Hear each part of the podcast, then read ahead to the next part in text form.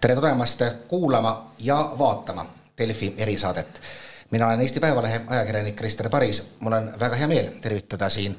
ümber laua Tallinna linnapead Mihhail Kõlvartit ning tervise- ja tööministrit Tanel Kiike ning alustame juttu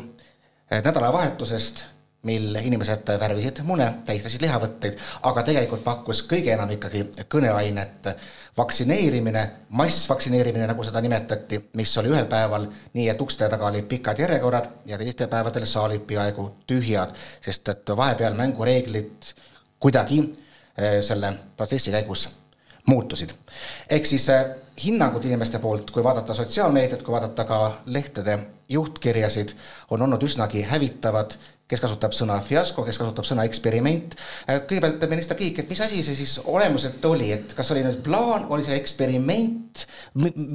kuidas seda nii-öelda kokkuvõttes seda nädalavahetust nimetada? ja tervist, tänan kutsumast. nädalavahetusel vaktsineeriti üle Eesti kümnetes terviseasutustes kokku seitseteist tuhat inimest valdavalt neist eh, üksteist tuhat olid siis kuuskümmend pluss vanuserühmas ehk haiguse poolt enim ohustatud inimesed. ja tegelikult võib öelda, et põhiosas nädalavahetusel need vaktsineerimise talgud või suur vaktsineerimine õnnestusid, oli neid kitsaskohti neid murekohti, arusaadavalt need on need ka, mis enim tähelepanu on pälvinud, seotud siis tõesti eh, eakate osalusega, eh, eeskätt suuremates keskustes, kus meil tuleb tõesti mõelda järgmiseks korraks selgemad reeglid, selgemad käitumisjuhised, juhuks kui me näeme, et meil ei tule soovitud sihtrühma kohale, et et mis on siis järgmised käigud, käik A, käik B, käik C. et ei tekiks sellist nii-öelda äh, koha peal võib-olla noh, mõnes mõttes ka meedia vaates äh, ebaselgust, ehk et kui üks asi, kui me räägime näiteks viiskümmend kuni kuuskümmend vanuserühmast, kelle puhul võib ka rääkida, et haigla ohustatusest ja kõigest. aga kui siin hakkavad tulema juba kolmekümnesed inimesed olukorras, kus teisel pool ootab kuuskümmend, seitsekümmend pluss vanuses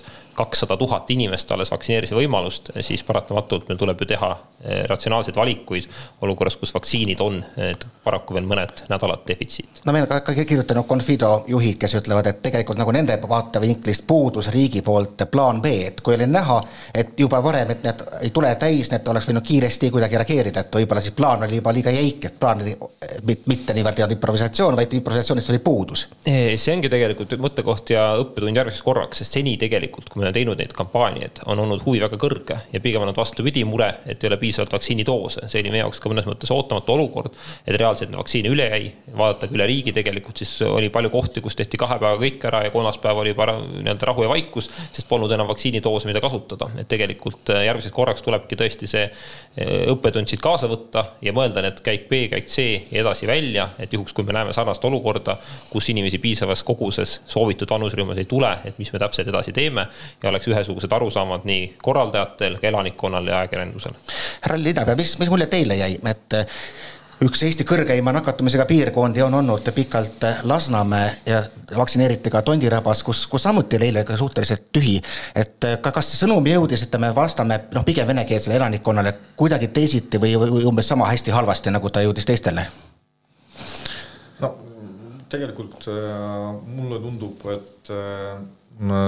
sõnumeid oli piisavalt palju äh, selle kahe-kolme päeva jooksul aga inimesed eh, peavad eh, ka selle mõttega harjuma, et eh, nendel muutuvad plaanid ja pika nädalavahetuse jooksul nad tulevad ka vaktsineerima. ja tegelikult see oht oli algusest peale, et inimesed nii kiiresti võib-olla ei jõua reageerida, aga see ei tähenda, et inimesed ei saanud teada, nad küll said teada aga mõned võib-olla ei jõudnud äh, otsustada ja samas äh, see ei tähenda, et nad ei saanud seda võimalust üldse, sest äh, ka perearstid samal ajal pakkusid ka seda võimalust vaktsineerida. ja seekord Tallinnas oli kaks vaktsineerimiskeskust, nii Äh, Sõle spordikompleksis kui ka Tondiraba jäähallis ja mõlemas äh, äh, keskuses tegelikult see dünaamika oli peaaegu samalaadne, et esimene päev oli väga aktiivne ja siis viimasel päeval juba inimesi eriti ei olnud ja mm, ma olen nõus sellega, et oli valitud väga õige prioriteet, loomulikult kuuskümmend viis pluss on see sihtrühm, mis vajab praegu operatiivset vaktsineerimist, aga mi-, mida jäi puudu, jäi puudu sellist võib-olla operatiivset otsustamist, et tegelikult ka käigu pealt võiks, oli võimalik anda inimestele tsentraliseeritud sõnumit, et nüüd saab selleks päevaks registreerida ka teise vanuserühma esindajad aga millega ma olen nõus, see, mida minister ütles, et selline võib-olla kaootiline vaktsineerimine kindlasti ei ole mõistlik. Kes peaks neid otsuseid tegema, et Kaja Kallas ütleb, et vaktsineerimise eest vastutab Tanel Kiik, et on, on plaanis midagi siis teistmoodi teha nüüd? ja ma vastutan Eestis kogu tervisevaldkonna eest, kaasa arvatud Covid-19 tervisemured ja vaktsineerimine, testimine ja palju muud. niisamuti vastutan ka töövaldkonna eest, aga see on teise saate teema. et äh, vaktsineerimise puhul tõesti, nagu viitasin, siis seni on olnud probleemiks vaktsiinide puudujääk, mitte see, et pole elanikkonnas huvi ja ma arvan, tegelikult ka praegu elanikkonnas huvi on, lihtsalt oli tõesti neid inimesi, kes oleks soovinud pikemalt mõelda, kaalutleda, neid, kes tahtsid perearsti juures vaktsineerimise võimalust oodata, neid, kellel võib-olla logistiliselt ei sobinud, pühade ajaks muud plaanid, et äh, kahtlemata oleks parem, kui me saame need pikemalt ette kutsuda, pikalt planeerida. aga teades need AstraZeneca vaktsiini tarnete graafikuid, ka näiteks selleks nädalaks pidi tulema üksteist tuhat, eelmine nädal saime teada, ei tule midagi. et väga keeruline teha mingit pikaajalist plaani, kui sa sisuliselt nädal aega ette tead parimal juhul neid tarneid ja ka siis ei pruugi olla päris lõplikku kindlust, et kutsuda kümneid tuhandeid inimesi vaktsineerima nii-öelda ehku peale, et ehk tuleb vaktsiin ja pärast öelda neile, et vabandust, ei tulnud midagi, et ma arvan, et see oleks palju suurem fiasko. ehk küsida, kes need otsused peab langetama, siis eh, koos, vaktsineerimiskeskuste ülespanijatega partneritega, Tallinna linnaga, erasektoriga. järgmiseks korraks, kui me teeme, tõenäoliselt aprilli lõpus, me lepime täpselt kokku, et mis kuupäevad, mis kellad me vaatame üle, kui palju on vaktsineeritud, mis vanuserühmas, mis on siis järgmised käigud, on nad eesliinitöötajad, on nad järgmised vanuserühmad. et igal juhul need vaktsineerimisajad ära kasutada või siis vajadusel lühendame vaktsineerimist algusid, kui näiteks näeme, et tõesti krooniliste haigete või ka nii-öelda eakate hulgas seda huvi pole, aga mujal on defitsiit. aga need otsused ja raamid peavad olema tõesti enne paigas, sest vastasel juhul võib tekkida selline nii-öelda kaootiline järjekord, mis tegelikult pahandab kõiki osapooli. teeb tervishoiutöötajad väga keeruliseks, keda ma võtan, keda ma koju jätan. eakas inimene vaatab televiisorist, et kas ta julgeb üldse kohale tulla sinna, kui seal käib selline trügimine. ja paratamatult ka inimesed, kes ilma jäävad, on pärast pahased, et näed, sõber või tuttav sai ja miks mina jäin ilma. mis hetk me jõuame sellesse momenti, kus võime öelda, et kui vanainimesed tegelikult kohale ei tule, järelikult nad vaktsiine ei soovi, järelikult hakkame liikuma edasi järgmistesse vanusegruppidesse, me ei hakka, me ei jää kinni ainult seda ühe kõige vanema grupi jaoks. jah, meil Eestis on ju niisugune huvitav omapära, et ühest küljest väga palju on saanud kriitikat, et liiga vähe on eakat vaktsineeritud, liiga palju noori ja teisest küljest nüüd nõutakse, taotletakse, et tuleks laiendada noorte vaktsineerimist, et siin on kerge vastuolu. ehk praegu, kui vaatame tõesti numbreid, siis nagu viitasin, meil on kuuskümmend pluss vanuses üle kahesaja tuhande inimese vaktsineerimata see on umbes kaks kolmandikku kogu sellest eh, sihtrühmast, no suurusjärgus kuuskümmend protsenti. ehk tegelikult meil tuleb veel keskenduda neile sihtrühmadele lähinädalatel, aprilli lõpp, mai saabki olema teistsugune, kus me juba tõesti neid sihtrühmi laiendame, võtame ka nooremaid inimesi juurde. loomulikult eh, siin tuleb meil lisaks nii-öelda huvile ja hõlmatusele vaadata ka seda, et mis on riiklikud soovitused ühe või teise vaktsiini puhul ehk AstraZeneca vaktsiini puhul oli ka kehtiv riikliku immunoprofülaktika ekspertkomisjoni soovitus, mis on ka täna jõus, keskenduda eelkõige kuuskümmend pluss vanusrühmale, kuna see on enim nii-öelda haiglaravi vajav rühm ja seal on ka teatud nii-öelda tervisemured, terviseriskid, mis on seotud eeskätt noorematel inimestel, mis praegu Euroopa Ravimiameti poolt alles nii-öelda hindamisel on. siin on Euroopa riigiti väga erinev praktika, ma saan täitsa aru, et inimestel on raske orienteeruda. see, see ongi segane, täitsa ausalt öeldes, kui on riike, kes kasutavad seda vaktsiini kõigi puhul, riiki, kes annavad vanusepiiri viiskümmend viis, kuuskümmend, kuuskümmend viis pluss ja riiki, kes hetkel ootavad üldsegi kas siseriiklikke või Euroopa Ravimiameti soovitusi. et meile kõigile meeldiks siin rohkem selgust ja selle teema lõpetuseks veel, põhjus, mikspärast niivõrd vähe on ikkagi vanu inimesi vaktsineeritud, on ikkagi siis see, et neid ei õnnestu tuua süstla juurde? ei, tegelikult kui vaatame eh, vaktsineerimise hõlmatust, siis kui mäletate, siis eh, alustasime tervishoiutöötajatest, hooldekodudest, eakatest ja alguses võib öelda, kõik läks plaanipäraselt, kuniks tuli siis AstraZeneca vaktsiini puhul esialgne soovitus taas eh, keskenduda eeskätt noorematele alguses, kuni seitsekümmend vanuses, kuna kõrgemates vanuserühmades ei olnud veel tol hetkel vajalikke uuringuid. me ütlesime küll, et see ei ole seotud ohuhinnanguga, see on seotud uuringutega, me tuleme selle juurde märtsis tagasi, aga arusaadavalt see hakkas natuke oma elu elama, et tekkis arusaam, et see on hoopis nii-öelda noorte vaktsiin ja paralleelselt me hakkasime tegema ka eesliinitöötajaid, ehk me tegime haridusvaldkonna, siseturvalisuse, sotsiaalvaldkonna, eesliinitöötajate puhul loomulikult valdav osa neist olid ju alla seitsmekümne, alla kuuekümne, eks selle võrra tõesti tõusis see noorte hõlmatus. et tegelikult, kui me räägime Pfizer Pfizer-BioNTechi Moderna vaktsiinist, siis seal me näeme väga selgelt nii-öelda teistpidist mustrit, ehk seal on tõesti põhiosa seitsekümmend pluss elanikkonnas, osaliselt kuuskümmend pluss ja väga väike osa muudes vanuserühmades. Nii, aga ma kutsusin teid tegelikult siia veel enne nädalavahetust, kus oli tekkinud huvitav vastasseis, ehk siis ja mehed samast parteist, aga juhatavad erinevaid äh, institutsioone, üks rohkem riiki, teine siis konkreetselt Tallinna linna ja Tallinna linn on rakendanud hoopis teistsugust poliitikat, mis puudutab siis äh, ühte nakatumise äh, allaviimist, ehk siis pakub kõigile, kes soovivad, juba esimesest haiguse päevast hüvitist. riigis nüüd pikendati seda teise päeva hüvitise maksmist. Mihhail Kõlvart,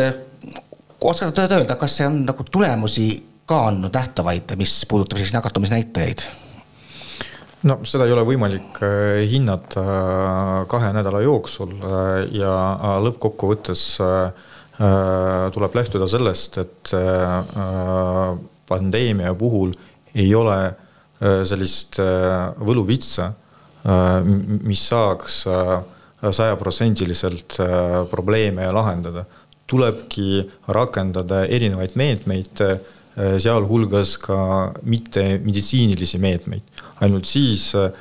saab äh, tõepoolest sellega hakkama saada ja siin ongi vaja nagu koostööd, et nii omavalitsused pingutasid, pindut-, pingutaksid kui ka loomulikult riik. ja tõepoolest see initsiatiiv tuli Tallinna poolt aga see ei olnud mingi väga originaalne lähenemine, sellest oli juttu ka Riigikogus, ka valitsus seda arutas ja eh, ka meie alustasime sellest, et pöördusime valitsuse poole ja me oleme ka ministriga seda teemat omavahel arutanud. Ja kuna üleriigiliselt seda ei olnud võimalik implementeerida, siis äh, me otsustasime, et äh, teeme seda ainult Tallinna elanikele. noh, Tallinna elanikke ongi kolmandik Eesti riigist ja rääkimata sellest, et Äh, ka meil on see probleem praeguseks äh, puhtarvuliselt ka, ka, ka suurem. minister Kiik, miks ei ole võimalik, no olemas, et ma saan aru, esimene vastus on raha. no see kriis on nii palju raha neelanud, et kui mingi meede aitab tõmmata alla nakatumist, siis ta ilmselt ei ole ükski asi jälle liiga kallis jah, sellega olen nõus, et tegelikult küsimus ei olegi nii väga rahas, küsimus on tõesti olnud nii-öelda kokkulepetes nii poliitilistes kui ka tööandjate ametiühingutega läbirääkimistes. kes mäletab, siis seni kehtis Eestis tegelikult haiguspäevade hüvitamine nii, et alates neljandast päevast selline hüvitist. me tõime selle varasemaks, alates teisest päevast kokkuleppel tööandjate, ametiühingute, eelmise ja praeguse valitsusega. ja see süsteem pidi kehtima aprilli lõpuni, nüüd me pikendame selle aasta lõpuni. ehk tegelikult me paneme kaksteist miljonit lisaraha just nimelt selleks, et inimesed saaksid varem haiguslehti hüvitatud. nüüd see Tallinna käik täiendavalt hüvitada esimesi päevi, see on väga tervitatav, väga toetan seda. see annab tegelikult, see ei ole üldse mitte vastuolus riigi poliitika, vastupidi, see just nimelt Eh, nad üksteist täiendavad, ehk et kui riik tuleb appi, teine kuni viies päev tööandja, alates kuuendast päevast haigekassa ja Tallinn panustab esimese päeva, siis kokkuvõttes me saavutamegi parema efekti. ma arvan, et omavalitsused laiemalt peaksid ja tegelikult ka tööandjad väga palju mõtlema selle peale, et mis on nende käigud, kuidas saaks ka parandada eh, just nimelt inimeste kojujäämist kui nad on mis tahes nakatumise, võib ka muu viirushaigus olla, mitte ainult ähm, Covid-19 haigus. ja samal ajal, kuidas panustada nende inimeste toimetuleku toetamisse, nii et mina väga toetan Tallinna otsust, ma arvan, et see on väga mõistlik otsus ja kindlasti mulle isiklikult meeldiks, kui meil oleks üle riigi eh, tõesti teisest päevast hüvitamise süsteem sarnane, aga tõsi on see, et see eeldab poliitilisi kokkuleppeid, see eeldab kokkulepet tööandjate ametiühingutega ja riigi puhul, mis seal salata, on kogu see protsess alati natuke aeganõudvam. kes, kes, kes, kes on vastu, tööandjad, ametiühingud, partnerid? Eh, no toona meil oli laual tegelikult neli-viis varianti, kui me leppisime kokku selle haigushüvitise süsteemi ajutise lahenduse. ehk et oli variant teha alates esimesest päevast, oli variant teha teisest, oli variant teha ainult Covid-19 haigusele eraldi süsteem. Need mustrid oli veel ja see oli see koht, kuhu me jõudsime arutelude käigus. taheti taheti, et oleks nii-öelda töötaja omavastutus, oleks seda siis tööandja oma, riigi oma ja et need kõik oleks nii-öelda eh, osapooltele eh, vastuvõetavad. et paratamatult eh, poliitika on kompromisside kunst, see on praegune kompromiss, minu isiklik maailmavaade toetab samuti varasemat hüvitamist. ma olen täiesti nõus, et tuleks debateerida ka selle üle, kas õige on tegelikult seitsekümmend protsenti palgast nagu seni või see protsent võiks ka olla kõrgem. eriti olukorras, kus meil on tegelikult töötusmäär kõrgem, me teame, et inimesed on niigi võib-olla eh, toimetulekuraskustes, eh, tulenevalt näiteks sellest, et leibkonna teine liige võib olla parasjagu töö kaotanud. et neid kohti on veel, kus tegelikult tervishoid ja tööturg lisaraha vajaks ikkagi ma, ma ei saanud lõpuks ikkagi vastust, et, et teie toetate, no põhimõtteliselt ametiühingud võiksid toetada, tööandja võiksid ka ju tööd toetada. et eh, kus sul on see, see moment raha, rahaga just, nagu on, kus on see moment miks, miks seda mitte ära teha riigi tasandil? Noh, tegelikult eh, nagu viitasin, siis kolmepoolse läbirääkimiste käigus sellise koht, kompromiss, kuhu me jõudsime. ehk eh, see arusaam oli, et peab jääma nii-öelda töötamise omavastutus, kuna tööandjad muretsesid ka selle pärast, et tekiks sellist nii-öelda kuritarvitamist, inimesed jäävad liiga kergesti haiguslehele muudel põhjustel. ja see oli üks selliseid argumente, mida nad välja toonud ka varasemate valitsuste ajal, nii eelmise praeguse, ma pakun, et ka tulevikus. aga igal juhul see alates teisest päevast hüvitamine on oluline edasiminek võrreldes sellise süsteemiga, kus hüvitada alles neljandast päevast ehk kaks kolmandikku probleemi võib öelda lahendasime ära ja nüüd, kui kolmandiku lahendab Tallinna linn, siis selle üle mul on ainult hea meel. härra, härra linnapea, see tõepoolest, see võimalik kuritarvitamine on olnud üks põhilisi argumente, ikka tuleb, jutt läheb selle peale, tuleb, et noh, sinine, sinine esmaspäev, palju lihtsam on öelda, et oled haige. kuidas teie selle, selle, selle probleemi enda jaoks lahendasite? no me ju praegu lähe, äh, lähtume sellest, et meil on vaja äh, lahendada operatiivset probleemi ja see probleem on äh, täitsa olemas, et äh, inimesed äh, vaatamata sellele, et on näha sümptomeid, ikkagi tööle lähevad.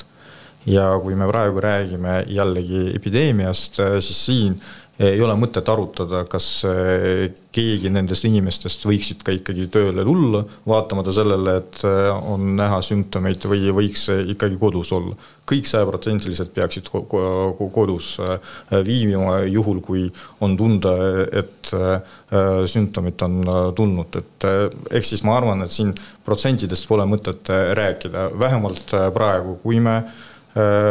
epideemiat võidame, siis äh, seda võib ka edasi arutada, aga praegu tegemist on ajutise meetmega, äh, mida me oleme praegu aprilli lõpuni siis rakendanud, aga vajadusel oleme valmis ka seda pikendada. kuidas seda tööandjad vastu võtavad, ikkagi just see moment, et väga kergesti võib juhtuda, et tuled hommikul tööle ja töötajaid liini taga enam ei ole, kõik on haiged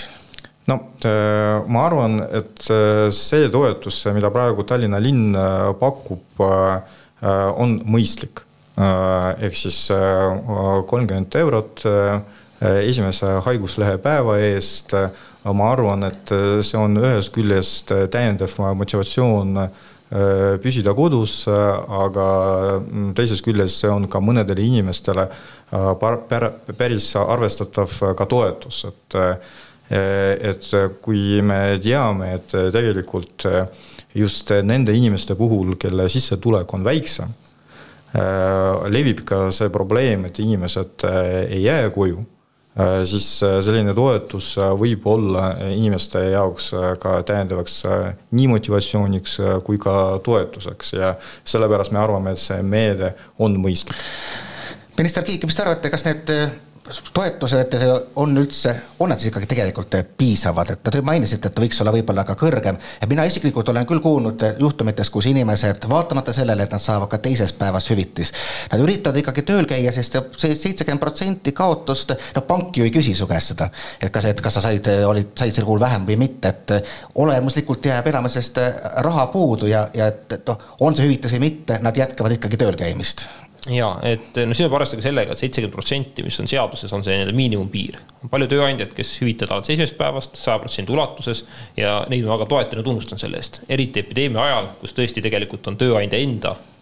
väga kõrgendatud huvi, et mis tahes haigussümptomitega, eeskätt Covid-19 haiged, aga ka muud viirushaiged ei tuleks tegelikult tööle ja riskiks sellega, et pärast on sul kogu kollektiiv nakatunud või lähikontaktsena eneseisolatsioonis ja tegelikult tuleb sul panna asutus üle kümneks päevaks või pikemaks sootuks seisma. ehk eh, näiteks terviseasutused väga paljuski seda teevad, toetavad alles esimesest päevast, eeskätt inimesi, kes on siis tõesti üle eh, ka vaktsineeritud, näiteks andnud enda panuse, et kaitsta enda tervist ja paratamatult siis ikkagi eh, mis tahes põhjusel haigusele pead jääma, aga ka laiemalt ja neid tööandjaid on veel palju, nii et selles selles vaates see on kahtlemata koht, kus äh, ongi epideemia võimalik lahendada koostöös. riigi panus, inimeste panus, ettevõtjate panus, omavalitsuste panus ja nii tulebki mõelda selles kriisis. mis te arvate, kas, kui me enne rääkisime siin kompromissidest, kas on võimalik jõuda ka valitsuses kokkuleppele, et tõesti see, see nii-öelda hüvitise määr tõuseb, et olemuselt haigeks jäämine ei ole ju tegelikult inimese enda võetud risk ega tema enda valik kuidagi. ja mina väga toetan seda pikaajalisi lahendusi, ehk et ma arvan, üks debatt, millest tuleb nüüd kohe peaga avada, on tegelikult see, et, et mis saab edasi, ehk et kui me oleme praegu leppinud kokku esialgu aprillikuuni kehtiva seaduse, nüüd me tahame pikendada seda, parlamendi menetluses on seadus, mis pikendaks teisest päevast hüvitamist aasta lõpuni. aga mis saab järgmisel aastal, sest ega tegelikult äh, erinevad epideemiad, erinevad viirushaigused levivad kogu aeg ja see hüvitamise vajadus, inimestele toetuse vajadus säilib ka edaspidi täpselt niisamuti nagu säilib ka tegelikult äh, inimeste toimetuleku mure äh, tulevastel aastatel, on see Covid-19 või muud kriisid. tegelikult ma pean väga õigeks ja mõistlikuks, et ka siin leiame pikaajalise lahenduse koostöös koalitsioonipartneritega, koostöös tööturu osapooltega. Äh, ja siis tuleks üle vaadata tõesti nii see haiguspäevade hüvitamise nii-öelda arvuline jaotus, et mis päevast alates, kui ka see protsent ja osakaal, mis palgast hüvitatakse ei, aga võtame nüüd saate vaikselt kokku, meie aeg hakkab ümber saama ja tuleme tagasi alguse juurde, kui oli see massvaktsineerimine, mis noh, natuke läksime üle kivide kändude, aga, aga see pani ka inimeste mõtted tööle, no näiteks ühes raadiosaates käidi välja mõte, mida ka näiteks erakond Eesti kakssada toetab väga, et võiks rakendada vaktsineerimisel üks pluss üks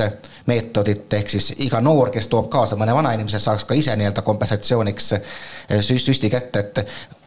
pakuks teile mõlemale variante mõelda, et mis võiks olla see kastist väljamõtlemine, mis tagaks selle, et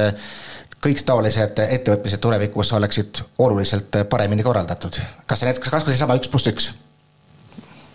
jah, no tegelikult eh, sel teemal oleme sama saatejuhiga juba mõtteid vahetanud, et tõsi on see, et juba enne neid talgusid me tegelikult arutasime seda võimalust, sest erinevad riigid maailmas, Iisrael, Suurbritannia, Põhjamaad on saavutanud väga kõrge hõlmatuse eakate seas. eeskätt läbi tõesti sellise sihitatud kommunikatsiooni, aga ka selliste ebatraditsiooniliste lahenduste ja tegelikult see on üks mõttekoht, et tõesti, kui noor inimene toob oma vanema või vanavana kohale, saab ka ise vaktsineerimise võimaluse ja seeläbi tegelikult tõuseb hõlmatus nii-öelda eeskätt olulises sihtrühmas, aga on ka noorel endal võib-olla täiendav motivatsioon seda teha, seda enam, et ta võib-olla puutub puutub ka ise pidevalt kokku teiste eakatega ja seeläbi aitab ka nende tervist hoida. oluline lihtsalt on see, et, et me nii-öelda fookust kui sellist ei kaotaks, et me eakate pealt liiguks mujale, peamine siht on see, et, et praegu kaitsta neid ja sealt järk-järgult liiguda allapoole. me oleme tegelikult kaardistanud teiste riikide kogemusi, teeme sellised põhjalikumad arutelud nii Tallinna linnaga, äh, erasektori osa, osapooltega, et mis siis on need käigud järgmiseks korraks, et just nimelt tagada see, et äh, vaktsineerimine hõlmatus oleks ühest viisist kõrge just nimelt ohusalt sihtrühmas, aga teisest küljest, et ei tekiks olukorda, kus jääb mingeid aegu kasutamata,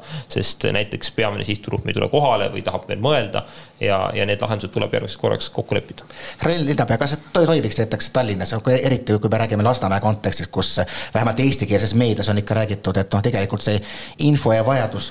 tulla vaktsineerima ei pruugi tegelikult sihtrühmale üldse kohalegi jõuda et äh, ma arvan, et äh, siin ei ole probleemi, et inimesed ei tea, et saab äh, vaktsineerida või arvavad, et seda ei ole vaja teha. ma arvan, et see lähenemine võiks olla natuke laiem, et võib-olla mina jään siin natuke eriarvamusele, et tegelikult paralleelselt prioriteetse rühmaga oleks vaja vaktsineerida ka teisi rühmasid. tuleb jätkata eesliini töötajatega ja, ja, ja siis, kui me näeme, et eh, ühel või teisel põhjusel eakate inimeste huvi ei ole väga aktiivne, siis eh, paralleelselt tuleb eh, kohe käivitada niinimetatud B-plaani, et mitte kaotada aega, sest mina arvan, et tegelikult pandeemia või epideemia puhul on väga tähtis katkestada ketti ja tegelikult ei ole vahet, kas äh, selle lüli vanus on kuuskümmend viis pluss või nelikümmend pluss. Äh, rääkimata sellest, et seesama inimene kolmkümmend või nelikümmend pluss äh, tuleb enda vanemate juurde, aga paralleelselt ta käib ka tööl ja käib ka enda lapse järgi haridusasutustesse, ehk siis tema kontaktide arv on äh, väga suur ja kui tema puhul saab äh, seda ketti äh, katkestada, siis see on ka väga vajalik selleks, et seda suurema tulemuse saavutada. ehk siis mina toetaks ikkagi sellist natuke laiemat lähenemist. härra minister, kiire remark, kas olemuslikult oleks mõeldav?